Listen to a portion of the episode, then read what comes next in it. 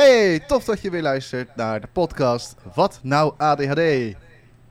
En uh, ja, ook vandaag hebben wij weer een superleuk onderwerp, hè Marjolein? Ja, we hebben een leuk onderwerp. We gaan het hebben over spiegel... Spiegel... Spiegel? Spiegelneuronen. Spiegelneuronen, ja. En wat spiegelneuronen nou met ADHD te maken hebben. Ja, en wat blijkt? Best wel veel. Best wel veel, ja. Omdat ze zo ontzettend sterk staan afgesteld. Ja, ja, en dan denk je misschien, hè, spiegelneuronen, hè, sterk afgesteld, uh, hoezo dan? Nou ja, laten we een paar voorbeelden geven. Wat spiegelneuronen eigenlijk doen voor jou. Ja. Ja, ik was uh, vroeger in, uh, in, in, in, het was, was wel een beetje in mijn tijdperk of zo, had je heel veel van die skatevideootjes, weet je, skatefilmpjes. En dan zag je zo'n zo'n jongen dan op zo'n skateboard of, of gewoon op skates, rollerskates, weet je wel, zag je gewoon zo over zo'n reling heen glijden. En dat ging nog wel eens mis. En dat werd dan uitgebreid op uh, internet gezet. En dan zag je zo'n jongen dan dus vallen op zo'n reling. Tussen zijn benen. Klats. En dan het eerste wat er gebeurt als je zo'n filmpje kijkt. En misschien doe je het nu al. Dan gaat je gezicht zo een beetje trekken. Zo. Oh. Ken je dat? Ik ken het wel, ja. Ik, ik zie het, je ook doen, ja. uh, mannen kennen dit heel goed. Ik weet niet hoe het bij vrouwen zit. Als ik het zo aan jou uh, zie, dan, uh, dan volgens mij... Dat is voor vrouwen ook niet zo leuk. Maar ik, nee. ik weet... Nou, ik kan, me, ik kan me niet voorstellen hoe het voor mannen is. Maar het schijnt erger te zijn, ja. Ja, het is wel heftig, ja. ja. ja. Dus, dus, dat, dus, dus ik, ik keek er dan naar en dan meteen voelde ik dat ook, soort van. Ik kon er ook niet te vaak naar kijken, want dan... Ah, dat doet gewoon zeer. Terwijl ik gewoon, weet ik wel, in de bank zat. gebeurde bij mij helemaal niks.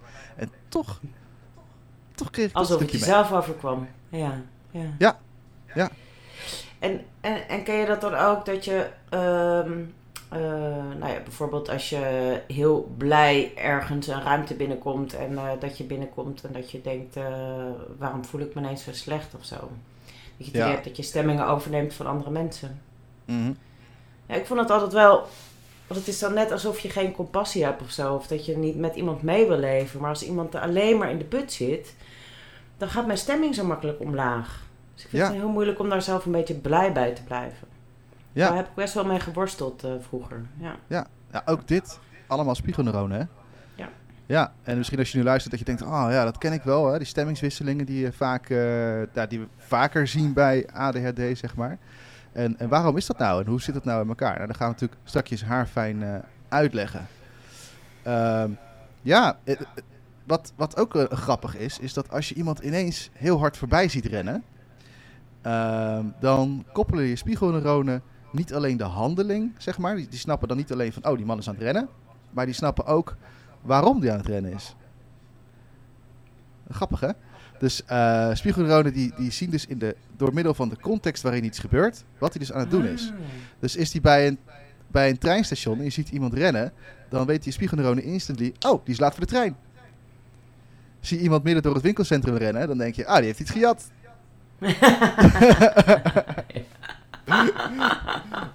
oh, ik dacht van, er is iets aan de hand, weet je, er is, uh, weet ik veel. Misschien ook, ja. ja. Maar door de, door de plek waar je bent, zeg maar, uh, uh, ja, daar, daar, daar, daar, zeg maar, dan koppelen ze gelijk aan van waarom is die handeling? Wat, wat, wat, wat is de bedoeling achter de handeling die iemand doet? En dat heet natuurlijk spiegelneuronen. Ze, ja, ze, ze spiegelen, zeg maar, het gedrag. Dus eigenlijk spiegelen ze van die persoon die doet hier iets. Wat zou ik zelf doen in deze context, in deze situatie? En dat ja, spiegelen dan op de ander als zijnde van, oh, dit ga je dus doen. Oké, dus, dus je brein ja. gaat meteen bedenken van, we zijn in deze context. En als er dan dat gebeurt, ja. dan is er dit aan de hand. En dat gaat in een split dat, second. Dat gaat super, super snel. Dus je kan je voorstellen dat daar ook een heleboel automatisch uh, gedrag in zit, zeg maar, in die spiegelneuronen. Ja. Ja, dus het is een, uh, een leuk klompje hersencellen. En die, dat klompje hersencellen zit ongeveer achter in je... Uh, ja, het zit een beetje in de buurt van je nek, zeg maar. Uh, en het is nou, nog niet zo heel lang geleden dat ze echt ontdekt zijn, die spiegelneuronen. Het is geloof ik, nou nu een jaar of zes geleden inmiddels, dat ze die echt ontdekt hebben.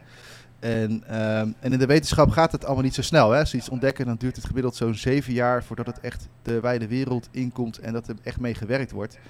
En uh, ja, dus, dus wat je vaak ziet is dat mensen in de zorg, hè, die dus opleidingen hebben gehad en nu daarin werken, die hebben dat vaak nog niet eens echt meegekregen. Hè? Dus daar zit nog niet eens eh, dat stukje spiegelneuronen zeg maar, in. Maar eh, de meeste mensen die recentelijk dus opleidingen hebben gedaan en daarmee bezig zijn, ja, die, die weten dat al en die werken daar al mee. En stiekem werk je daar zelf, zonder dat je het weet, ook heel veel mee. Want empathie is natuurlijk gewoon spiegelneuronen. Maar ja, ja. Ja, mooi hè?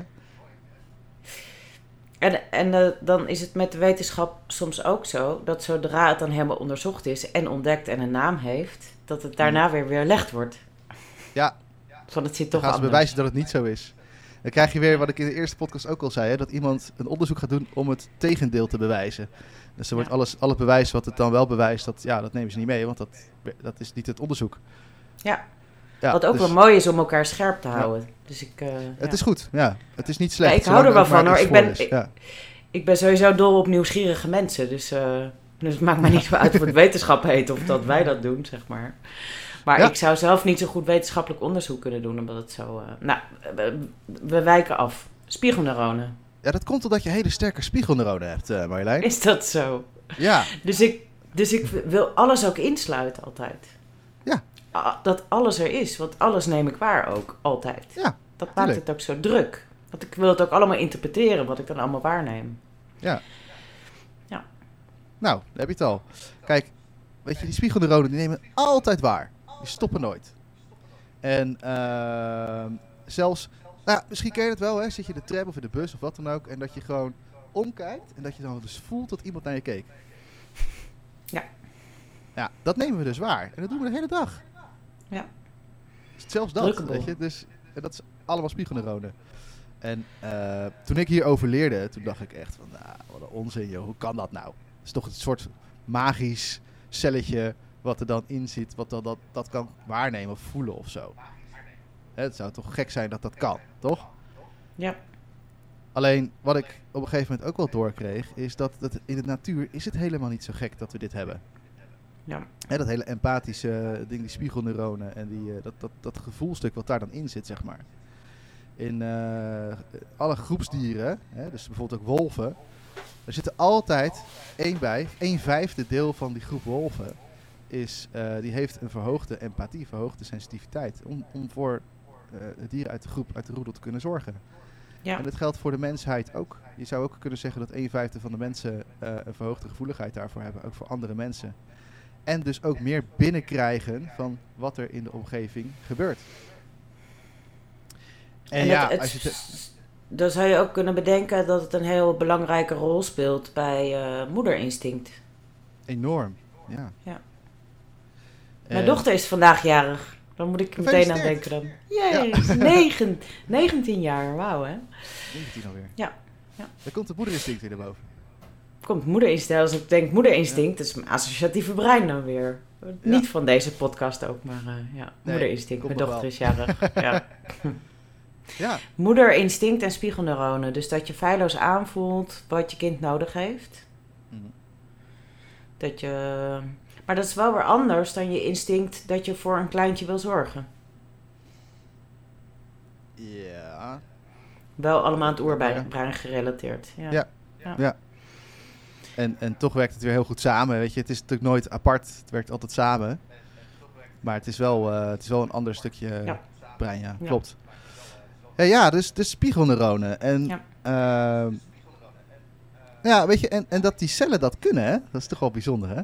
Dat, ze dus, Ja. dat er dus cellen zijn die in je brein zitten, die dus niet alleen kunnen waarnemen wat anderen doen, gezichtsuitdrukkingen kunnen waarnemen, daar onbewust al direct op kunnen reageren, maar dat ze ook nog eens die energie kunnen voelen van iemand die naar jou kijkt of eh, daarmee iets doet, hè? Dus, dus, dus ze, ze aandacht op jou richt, zeg maar. En ook toen ik dat leerde, dacht ik echt van, nou, wat is dit nou, joh? Kan dat nou? Wat een zweverig gedoe. Hmm. Maar ja, ook dit weer, weet je, er zijn in de, in de natuur weer voorbeelden van te vinden. Eh, kijk bijvoorbeeld naar de hamerhaai. Ken je de hamerhaai?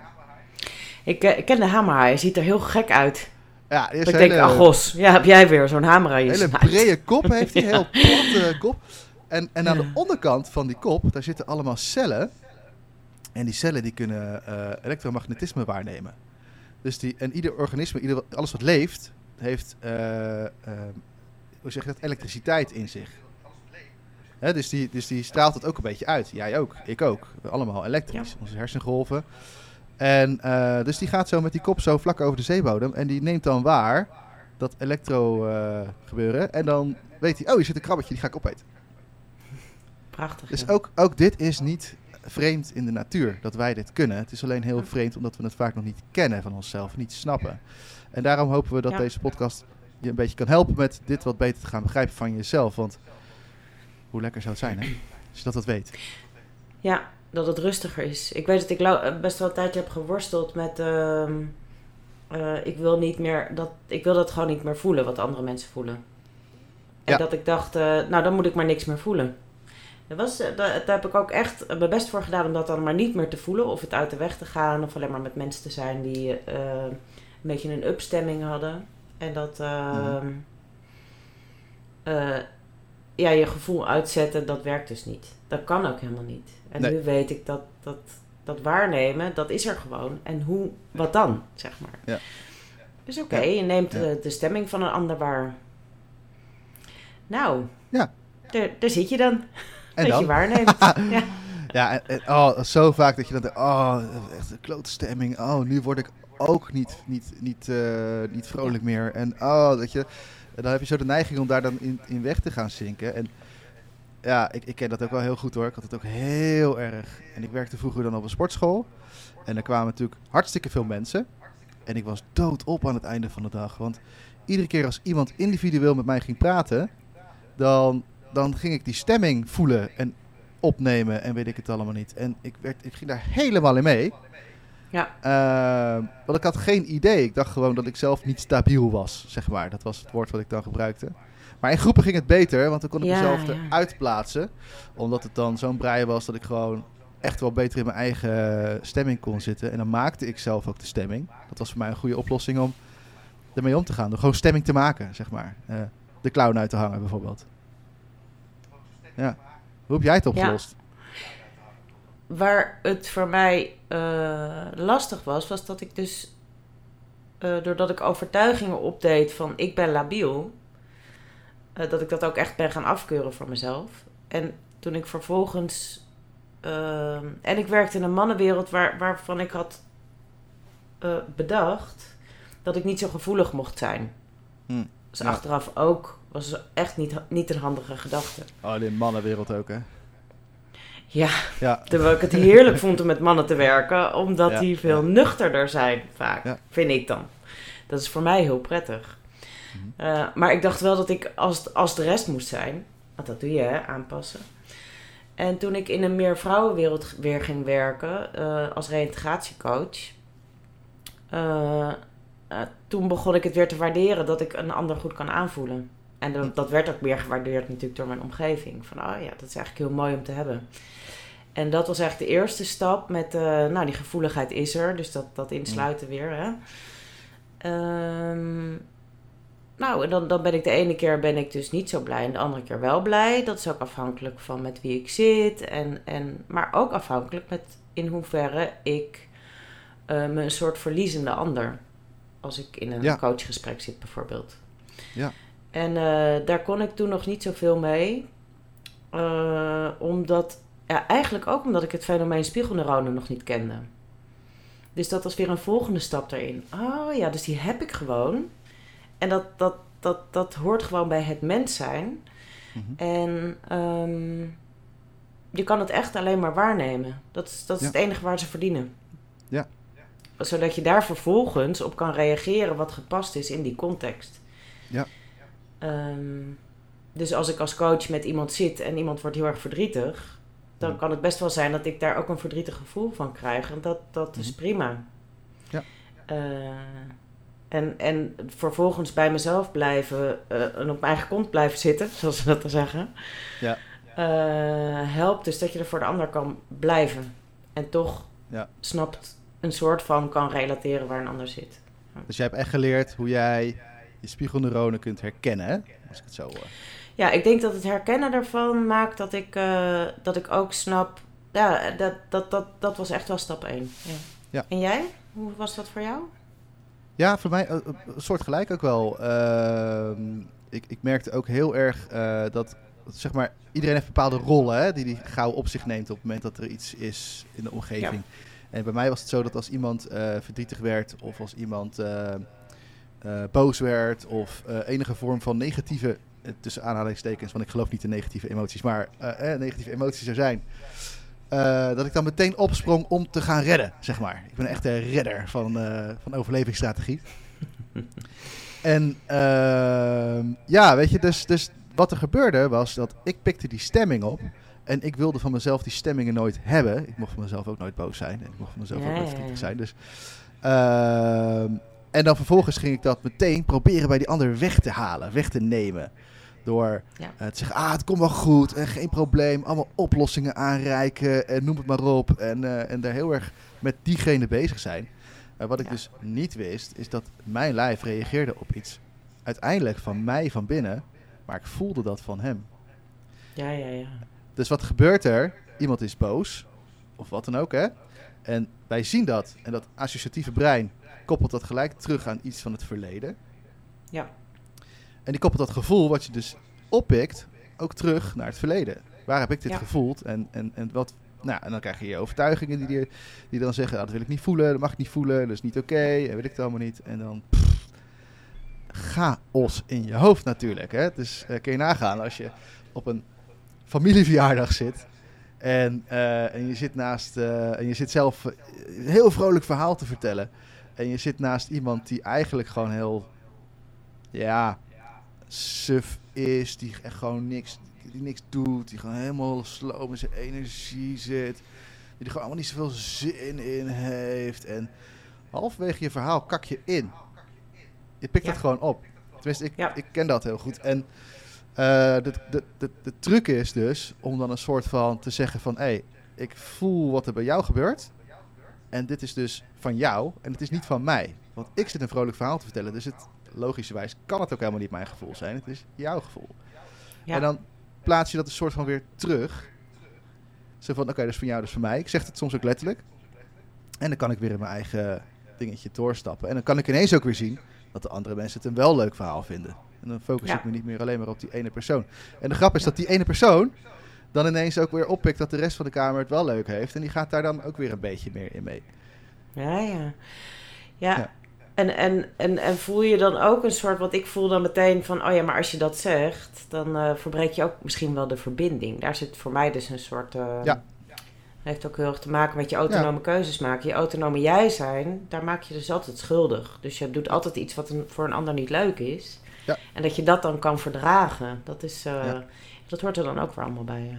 ja. Dat hoort er wel bij, ja. ja dat je ook iemand Ja. anders gewoon laat met wat van hem is. Ja. En, en, daar, en dat, ja, wat mij echt gewoon geholpen heeft, is gewoon de zin van, je hoeft er niks mee. Die persoon heeft alles in huis om er uiteindelijk zelf mee te dealen. Vroeg of laat Zeker, gaat hij dat echt wel een keer doen. Ja. Vertrouw daar maar op. En nu gewoon, ja, je hoeft er niks mee. Het is niet van jou. Ja. ja. En dus dat is het gaat enige het die je hebt. Dus gaat het dan ook over verruimende overtuigingen er tegenover zetten? In dit geval dus wel. als je echt, ja, ja, Zeker.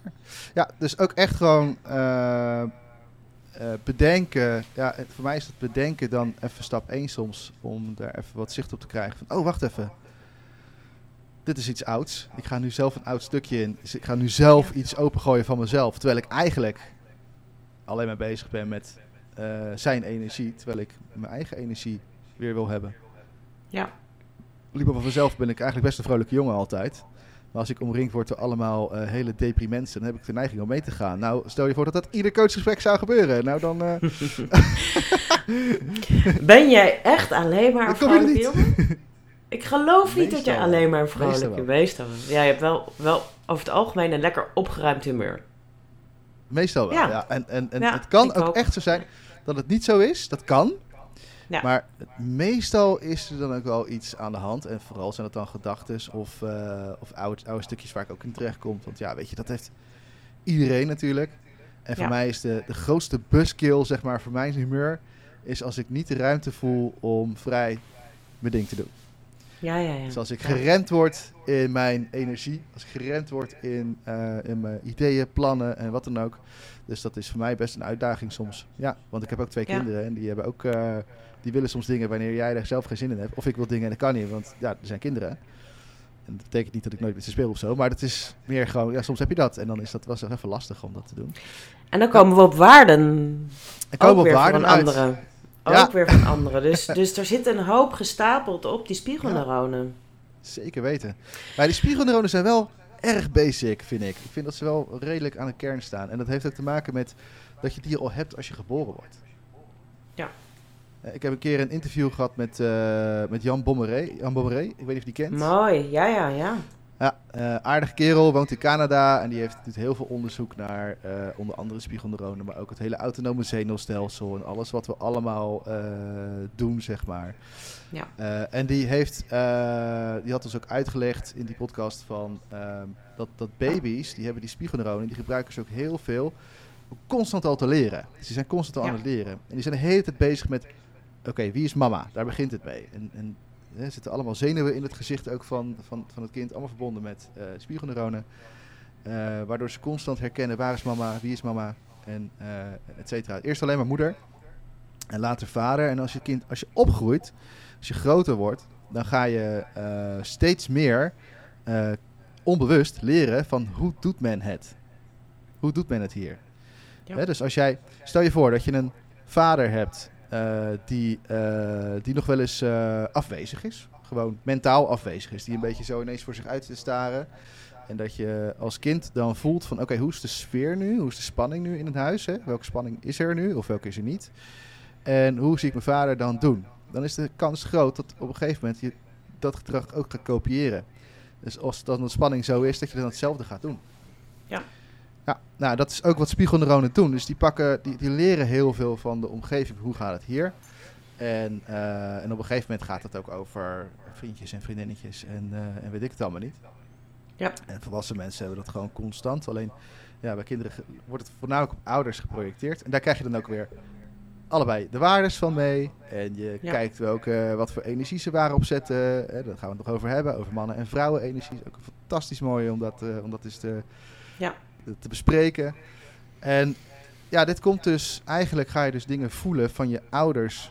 Die zij dus ook weer doen. Die zij ook weer gevoeld hebben van hun ouders. En die zij Ja. ook weer hebben opgepikt van hun ouders. En zo gaat dat door. Maar daar gaan we eh de En je gaat het, over hebben. En je, ja, en je gaat het dus imiteren. Dus de spiegelneuronen nemen waar en jij, jij gaat het imiteren. En, en waarom maken we deze podcast dan voor eh, mensen met ADHD over spiegelneuronen? Is dat het er wel op lijkt dat ze veel sterker staan afgesteld bij mensen met ADHD. En eh, als je kijkt naar cabaretiers en acteurs en eh, nou ja, de, de, de- daar, daar zit wel echt heel veel mensen met ADHD tussen. Oh, hell dus yeah. kennelijk- Ja. ja. Kennelijk kan je het...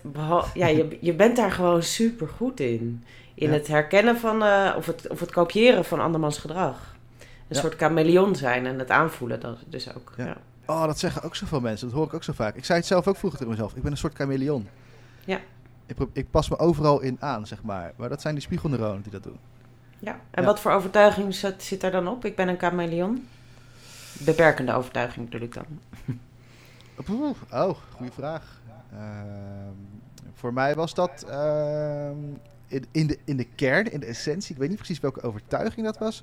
Maar wel de angst om niet oké, niet leuk genoeg voor een ander te zijn. Maar ik, dat was ik voor dacht dan... eh, ja, niet leuk genoeg. Ja.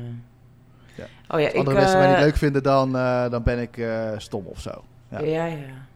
Hoor ik er niet bij, ben ik alleen. Ja. Ja, dat is heel diep hoor. Daar kom je niet zo Ja. 1, 2, 3 bij. Heeft even geduurd. Ja. Ja. Ja, bij mij, ik heb het als dat, dat chameleonnengedrag, dat ik vroeger echt dacht, ik heb geen mening of zo. Ik waai maar met iedereen mee. Hm.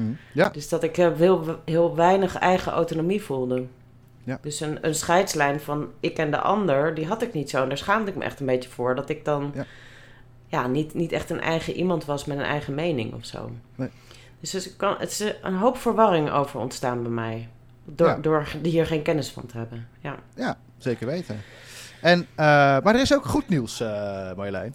Want het is ik zat erop te wachten. Ja, ja. We gaan er ook iets aan doen. Er komen tips. Let op. Je kan namelijk gewoon heel goed leren om, eh, om met je spiegelneuronen om te gaan. Ja. Eh, ik heb het geleerd, jij hebt het geleerd en eh, de meeste coaches uit onze opleiding die hebben dat ook allemaal geleerd, want die werken daarmee. Eh, maar er zijn gewoon eh, eh, manieren om dat te doen. En uh, een, een, mooie manier om, om daarmee te starten is het waarnemen van je eigen lijf. Meer hoef je eigenlijk niet te doen. Het waarnemen van je eigen lijf. Ja. En uh, nou, stel je voor je bent met iemand aan het praten. Hè, dan hebben we de neiging om te blijven voelen wat diegene voelt. Hè. Dat, dat gaat onze aandacht helemaal daarheen. Uh, maar we functioneren eigenlijk beter als niet onze hele aandacht bij die ander is. Dan functioneren we eigenlijk beter. 50% van je aandacht bij jezelf. Dus je lichaam, waarnemen wat er in je lichaam gebeurt. Heb je een borrelende buik? Voel je blijdschap? Voel je een beetje een, een, een raar gevoel in je buik? Uh, whatever. En, uh, en 50% bij de ander. En dan zou je zien dat je makkelijker opneemt wat diegene zegt. En dat je veel relaxter bent in het gesprek. En dat je niet zomaar als eruit pleurt en zo. Gaat veel makkelijker. En het mooie is dan dat je soms dingen in je buik of borst voelt. Waarvan je denkt van hè, maar dit gebeurt nu ineens bij mij. En ik heb niks gedaan waardoor dit nu zo ontstaat in mijn lijf. Ja. Dan weet je, dan kan je erop vertrouwen dat het echt niet van jou is. Dat is van de ander. Want jouw lijf, die spiegelt namelijk wat de ander voelt. Zo kan je bijvoorbeeld ook heel... Ik weet niet of jij dat ook hebt, hè, maar ik heb daar echt een soort radar voor als mensen niet de waarheid zeggen. Als mensen Ja. het één zeggen en eigenlijk iets anders bedoelen. Ik, ik voel zo'n gevoel in mijn maag, in mijn buikstreek, zeg maar. En ik, ik verstar ook een beetje. En ik weet gewoon, hier klopt iets niet. Het, Ja. We noemen dat incongruent. Het voelt dan incongruent. Ja, ik, ik, heb dan, ik, eh, ik heb daar iets anders mee. En dat is dan ook echt zo'n ADD-symptoom. Ik ga echt weg. Dus ik vertrek uit het gesprek. En dat doe Ah, ik dat niet twee. bewust. Ja, dat dus is dus ik stap twee. herken, ik herken dus niet dat er een incongruentie is. Dus ik sla Hmm. die stap over, zeg maar. Juist, Zo, ja. zo deed ik dat altijd in ieder geval. En ik tunede uit. En dat noemen we dan een aandachtstekort probleem. Ja. Eh, hoe noemen we dat ook weer? ik weet het niet eens meer. En hier zijn we weer terug bij ADHD. Ja. We zijn weer terug bij ADHD. Ja. Dus je lijf die doet iets, die pikt iets op en die creëert er meteen een neiging bovenop. En dat is meestal een gewoonteneiging. En een gewoonteneiging Ja. kan dus zijn weglopen. Of je aandacht ergens anders heen. Of eh, je Ja. gevoel dichtstoppen. Of eh, wat je een beetje doet als je onder een koude douche stapt. Hè? Jezelf vastzetten, je adem inhouden. Doen we ook Ja. vaak. Ja. En, of toch door, doorknallen, ook al voelt het ongemakkelijk en niet fijn. En eh, ja, ja, dus het herkennen dat je uittunt, het is ook de, de beste oplossing. Dus dan zou je ook Ja. kunnen zeggen als je in zo'n gesprek zit van ik, ik heb het nodig om even bij mezelf te komen. Of eh, nou ja, wat voor, dat is misschien niet zo'n goede tekst, niet in elke situatie. Maar wel iets, wel iets wat dat uitdrukt. Van ik geef een sigaretje roken, zou dat dan voor mij zijn geweest op een feestje? Ja. ja, ja. Ja. Ja. Mij, eh, Maar dat is ik- dan niet, niet de meest ja. gezonde oplossing. Dan kan je beter gewoon zeggen van ik moet even naar de wc, weet ik veel. Ja, dat doe ik ook wel, ja. Soms is het ook gewoon goed om even uit de situatie te stappen. Hè? Ja. Weet je, als je er te lang in zit en je hebt het te laat door, dan neemt het je een beetje over. Hè? Dat is mijn ervaring. Dan, dan zit je er Ja. te diep in. En dan heb je echt even wat te doen om er weer uit te komen. En ja, Ja. hou jezelf uit die situatie. Het is soms vervelend, omdat je het gevoel hebt dan van ja, weet je, ik wil me al aanpassen. Dus ik blijf hierbij staan, zeg maar. Want ik wil er al graag bij horen, dus ik pas me überhaupt aan. En om dan weg te gaan en om dan tot jezelf te komen is, is al een grote stap natuurlijk. Maar het is wel een belangrijk iets. En Ja. het hoeft niet altijd. Hè? Als je dit een beetje kan, dan, dan kun je ook al tijdens een gesprek met iemand gewoon waarnemen. Oh, wacht even. Hey, ik voel dingen. En dan zet je er een soort van punt achter. Zo van, oh, maar dat is van jou. Ja. En dan ga het vooral geen weerstand bieden tegen het gevoel van een ander. Dat is het ergste wat je kan doen, denk ik. Ja.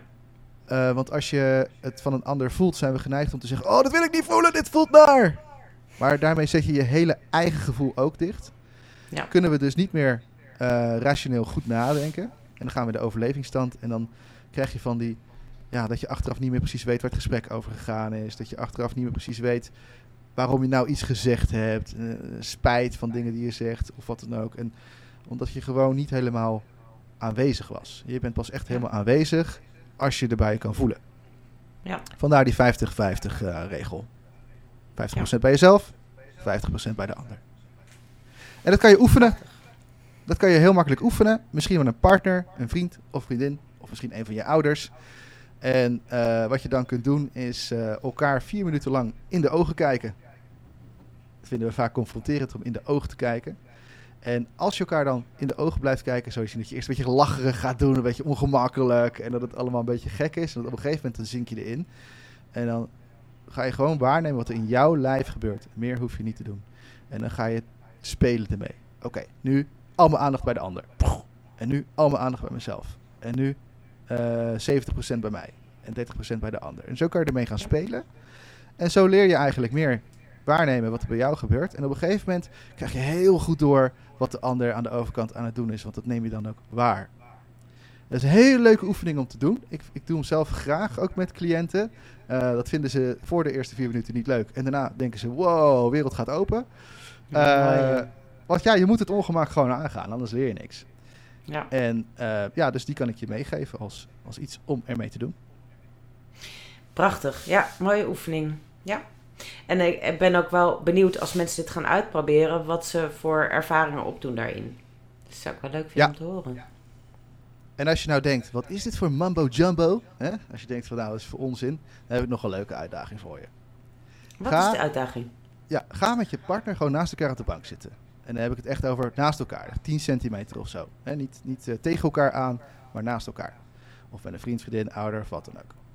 Je gaat jezelf even afsluiten. Dus doe allebei je ogen dicht. Helemaal in je eigen lijf. Dus neem waar hoe je ademhaling is. Neem je voeten waar. Neem je lijf waar. Hè? Dus dat je daar gewoon zit. Misschien dat je het nu al aan het doen bent als je dit luistert. Want dan gaat natuurlijk automatisch ga je mee.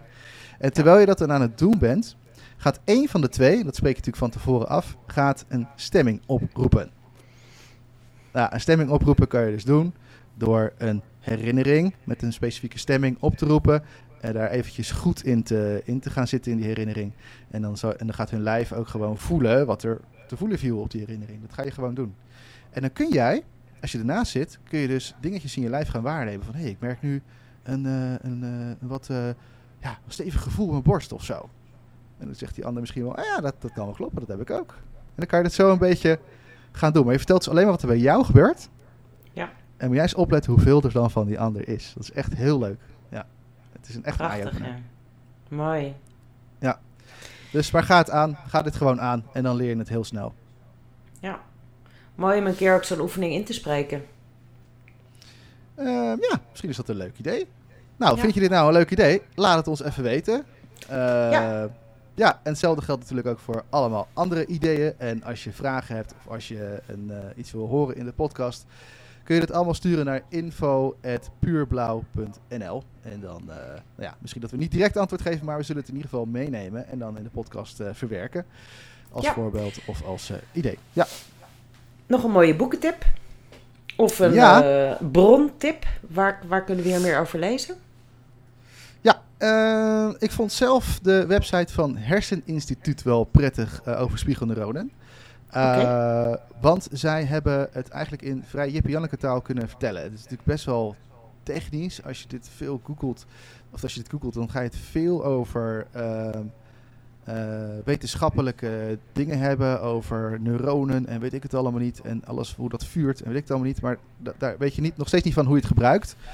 Eh, en ik vond die van Herseninstituut wel lekker. Ehm, de complete link is herseninstituut.nl slash brainfacts. Hersenfeiten, brainfacts. Slash spiegelneuronen. Backslash Mooi. natuurlijk, om af te sluiten. Herseninstituut.nl slash brainfacts slash spiegelneuronen. Mooi. En je noemde nog een boek van Jan Bommeré. Ik heb geen boek, eh, boek eh, genoemd, maar, Oh, hij, of maar hij, heeft wel heel veel geschreven, ja. Ja, doen is, nou, een van zijn boeken, ja, absoluut. Eh, het is wel goed dat je dit zegt, want even denken. Eh, het gaat over flow. Flow. Oh. Ja, hij, is, eh, Nee. hij, onderzoekt dat, dat flow, die flow-staten. Dat is een flow-staat, die zit ergens tussen overprikkeling en onderprikkeling zit die in, die, eh, die, die flow-staat. Het is een hele fijne staat om te zijn. Kunnen wij als ADD'ers ook gewoon leren. Daar gaan we het echt nog Ja. een keer over hebben. Ja. Ehm, en daar heeft hij dus ook heel veel over het autonome zenuwstelsel. En heel veel over, ehm, ja, over, over die spiegelneuronen en alles wat daarbij Mooi. hoort. Dat is een vrij complex verhaal, maar hij heeft het mooi geschreven. Mooi. Dus eh googelen op Jan Bommeré en dan kom je ook bij jouw podcast. Dan zal je ongetwijfeld ook bij Hersenbrekers podcast uitkomen. Ja, dat is een podcast die, eh, die we ook nog steeds eh, maken. Ja. Ja. En daar kun je, daar, als je die podcast luistert, het is aflevering 43 volgens mij uit mijn hoofd, met Jan Pommeré. Eh, en, dat, en dat gaat dan over loslaten. Het gaat over loslaten. Nou ja, als je dat Mooi. dus wil leren, luister die podcast. Nou, hey, dus eh, ja, tot zover. Leuk, dankjewel Bas. Ja, Ja, graag gedaan. Volgende keer gaan we het hebben over een thema waar jij heel goed in bent. nou, Ja, Oké. want dat is ook leuk. En dan gaan we het hebben over systemisch. Systemisch systemisch werk, ja. De basis. werk, ja. De basis, ja. Mooi. Ja. Zin in. Supermooi als je niet weet waar je gedrag vandaan komt en je denkt van daar wil ik nou wel eens achter komen. Nou, volgende keer. Mo- Tot ziens. Doei. Doei.